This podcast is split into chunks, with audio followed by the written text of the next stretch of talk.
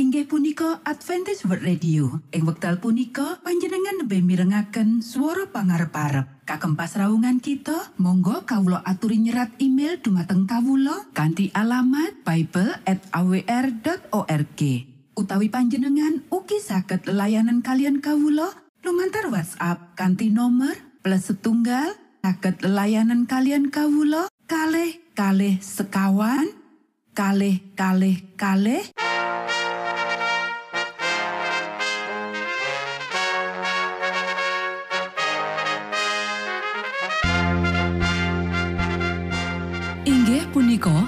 Adventist World Radio ingkang giaran kanti basa Jawi. Tentrem Rahayu kula aturaken kagem para mitra kinasih ing pundi papan lan panggonan. Sugeng pepanggian malih kalian Adventist World Radio.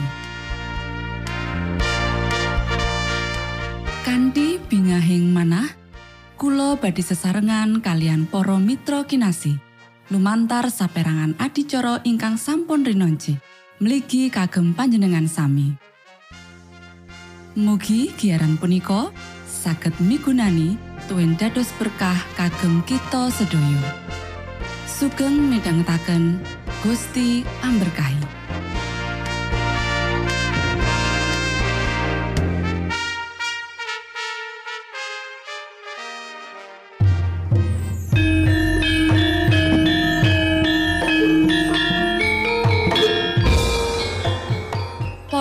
Pamirsa kinasih ing Gusti Yesus Kristus. Ing wekdal punika, kita badhe sesarengan ing adicara ruang kesehatan. Ingkang saestu migunani kagem panjenengan saha kita sami. Tips utawi pitedah ingkang dipun aturaken ing program punika tetales dawuhipun Gusti ingkang dipunnyatakaken ing kitab suci. Semanten ugi sakehing seratan ingkang dipun wangsitaken dening Gusti Allah.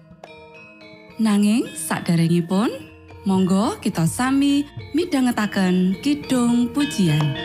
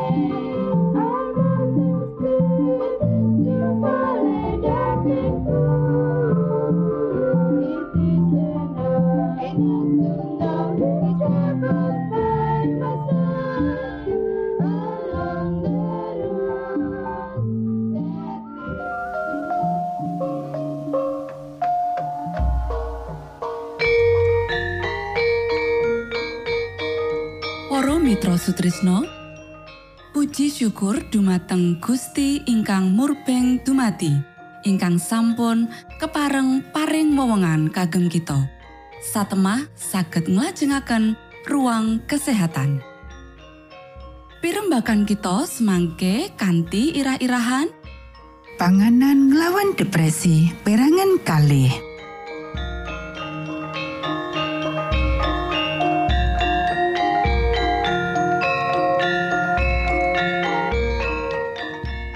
dumateng para pamiarsa kakung saha putri ingkang dahat kinurmatan sugeng pepanggian malih kalian kula Isti Kurnaidi ing adicara ruang kesehatan dinten punika ganti irah-irahan panganan nglawan depresi perangan kalih para sedherek ingkang kinasih ing pasinaon kita sadurunge kita wis sinau babagan panganan sugih triptopan. Dino iki kita bakal sinau babagan panganan suke asam lemak omega telu. Para sedera ingkang kinase, wis sawetara suwe dimangerteni menawa panganan patinan kang ngandut asam lemak omega telune endek ningkatake depresi. Waktu iki sawijining panaliten saka University of Bristol nuduhake menawa asam lemak omega telu duweni efek antidepresif tertentu. Kang malah kanggo kasus depresi kang ekstrim, efek antidepresif iki bakal luwih ningkat utawa akeh. Jinis utama asam lemak omega telu ya iku alpha linolenik acid lan iki onone ing tanduran. Jroning badan, ALA kanthi cara parsial diolah dadi asam lemak omega telu rantai dawa kang dijenengake eicosapentaenoic acid utawa EPA lan docosahexaenoic acid utawa DHA lan ing kono saklorone penting utawa wigati banget marang rembagane otak. EPA lan DHA asam lemak omega telu ditemokake uga jroning lengo iwak nanging kaya katerangan mau menawa badan bisa nggawe sintesa EPA lan DHA saka ALA kang ditemokake saka tetanduran. ALA ana ing flaxseed, walnut, uga dele.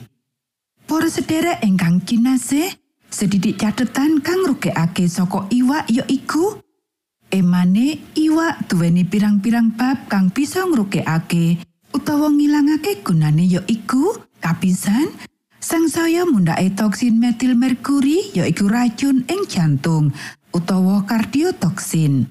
Kapindo, iwak duweni potensi kena kontaminasi dening parasit, bakteri, lan maneka warna racun. Katelu, iwak bisa nukulake alergi.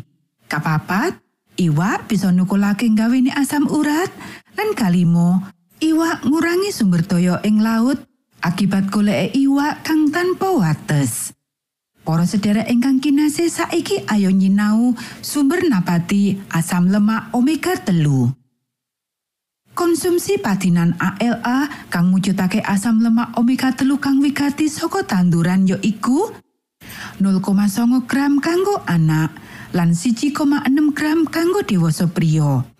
Menawa kanggo ngobati utawa nambani kasus depresi, dosis iki bisa diwenehake sedina kaping pindho utawa telu. Flexit 10 gram, udakara sesendok, becik kuwi wiji isi utawa lengane. Walnut 30 gram, udakara 6 wiji, ya iku walnut kang isih kulitan. Dele petang taker saji. Siji taker saji padha karo segelas susu dele. Swidak gram tahu, siji piring dele mateng. Sayur-sayuran kodong ijo uga ngandut utawa ngemot cacahe omega telu sanadyan sedidik kaya dene corn salad, Valerianella colusta dikenal kanthi akeh jeneng liyane IELM salad. Iki barang impor lan uga kamen porcelain Portulaca orelasia utawa tanduran krokot ing Indonesia. Matur nuwun, Gusti amberkahi.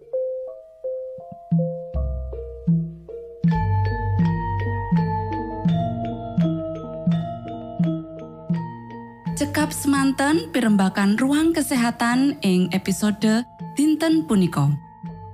Ugi sampun kuatos jalaran kita badhe pinanggih malih ing episode sak lajengipun.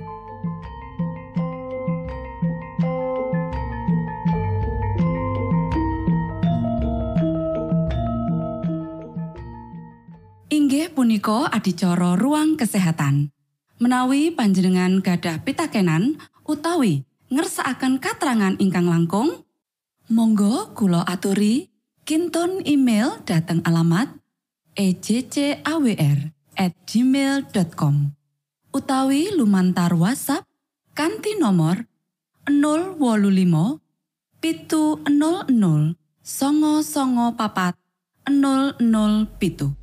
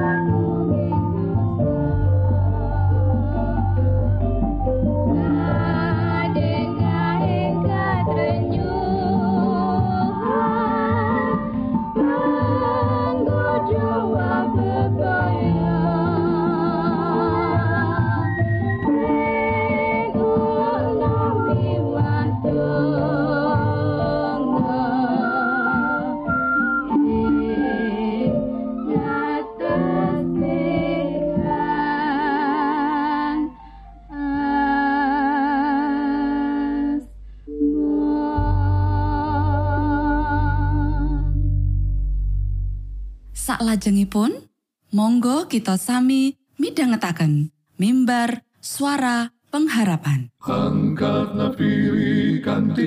pawarto Sang Kristus paderamu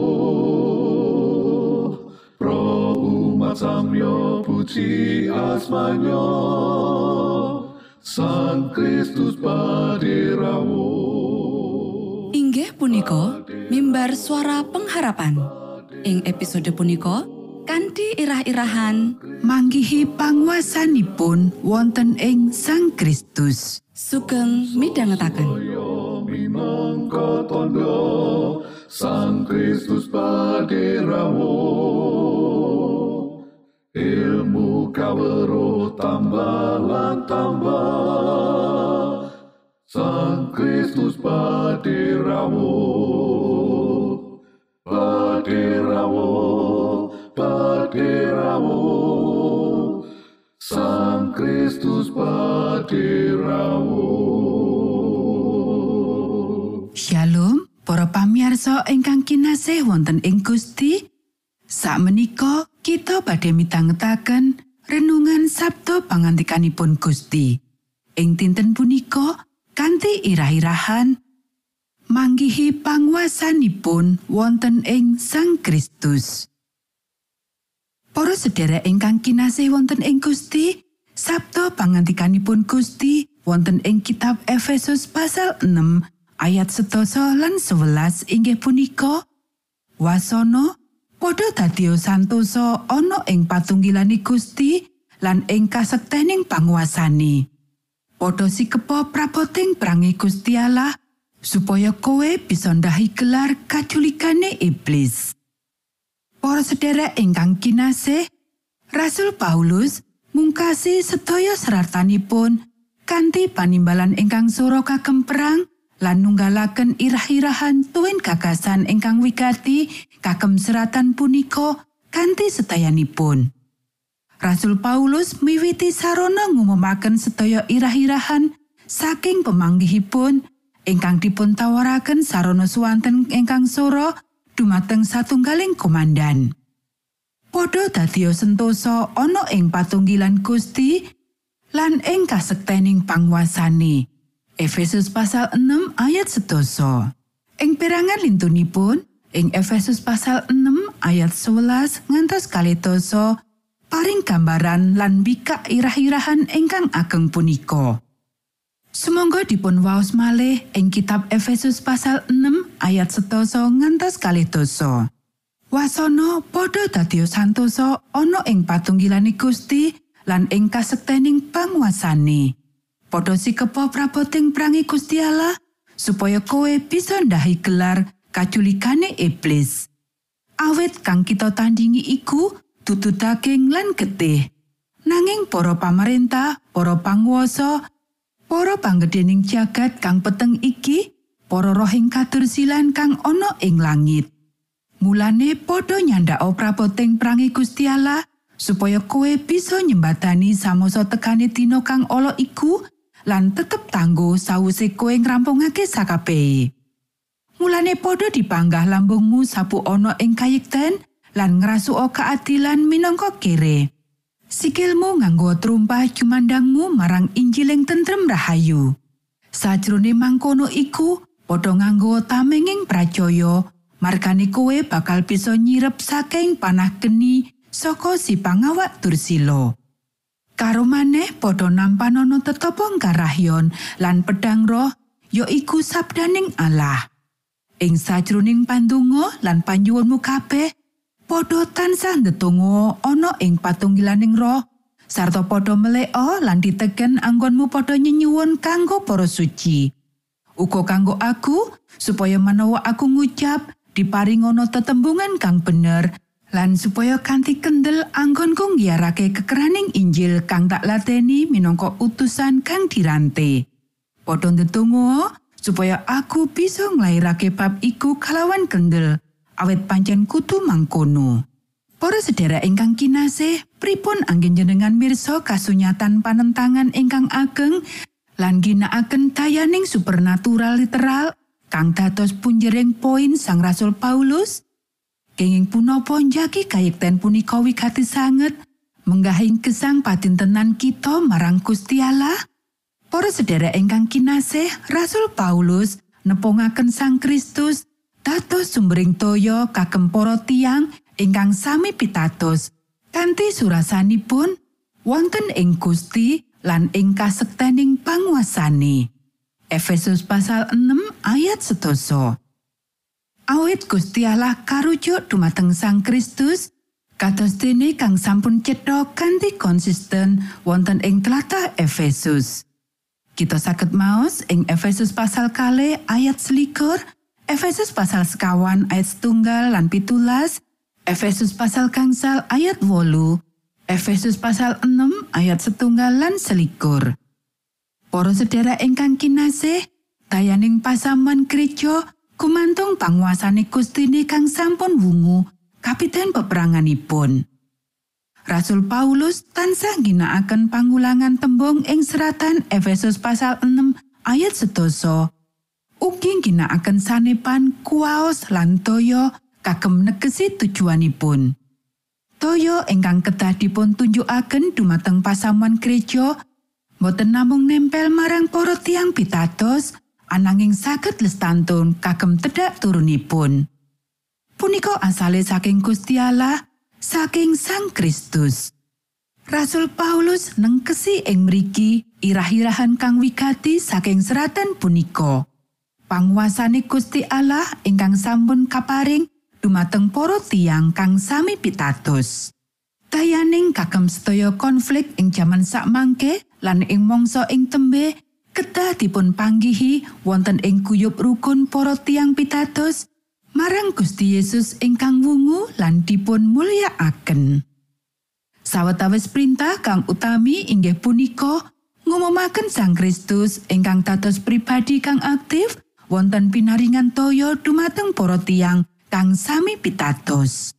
Lajeng tigang anggotanipun Allah tansah nderek perang lan nyengkuyung para tiang-tiang punika wonten ing karohanen tanding kalian pangawak tursilo. Gusti Allah Sang Romo tansah nyawisaken prapoting perang piyambak kang dados prapoting perang Allah. Kaserat ing Efesus pasal 6 ayat 11 lan 13. Sakderenge Rasul Paulus ugi nepungaken roh ingkang dados pribadi kang aktif wonten ing pangyatipun para tiang-tiang kang sami pitados. Kanthi pandonga supados Gusti Allah tansah miturut gunge kamulyanipun nyataken lan nyentosake kowe dening roe ing batinmu. Kaserat ing Efesus pasal 3 ayat 16 karo maneh padha nampanono ketopong karahayon lan pedang roh ya iku sabtaning Allah. Efesus pasal 6 ayat pitulas. Podo tansah ndedonga ing patunggaling roh. Efesus pasal 6 ayat wolulas. Rasul Paulus kepingin para pamirengipun saged memahami bilih Allah Tritunggal tansah nderek wonten ing prapoting perang tanding kalian pangawak tursilo punika.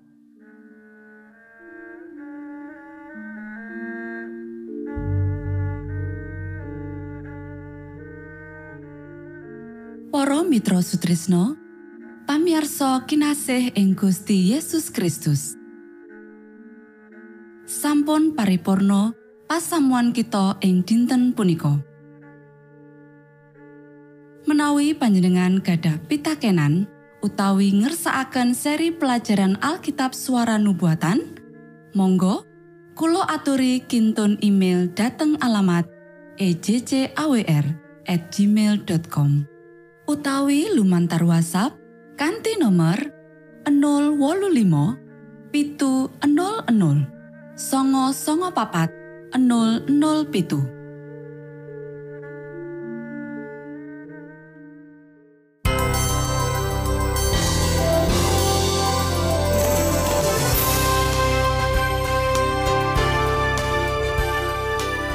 Matur nuwun kagem wektalipun kita badhe pinanggih malih ing gelombang ugi wekdal ingkang sami. Saking studio kula ngaturaken tentrem rahayu. Gusti amberkahi kita sedaya. Maranatha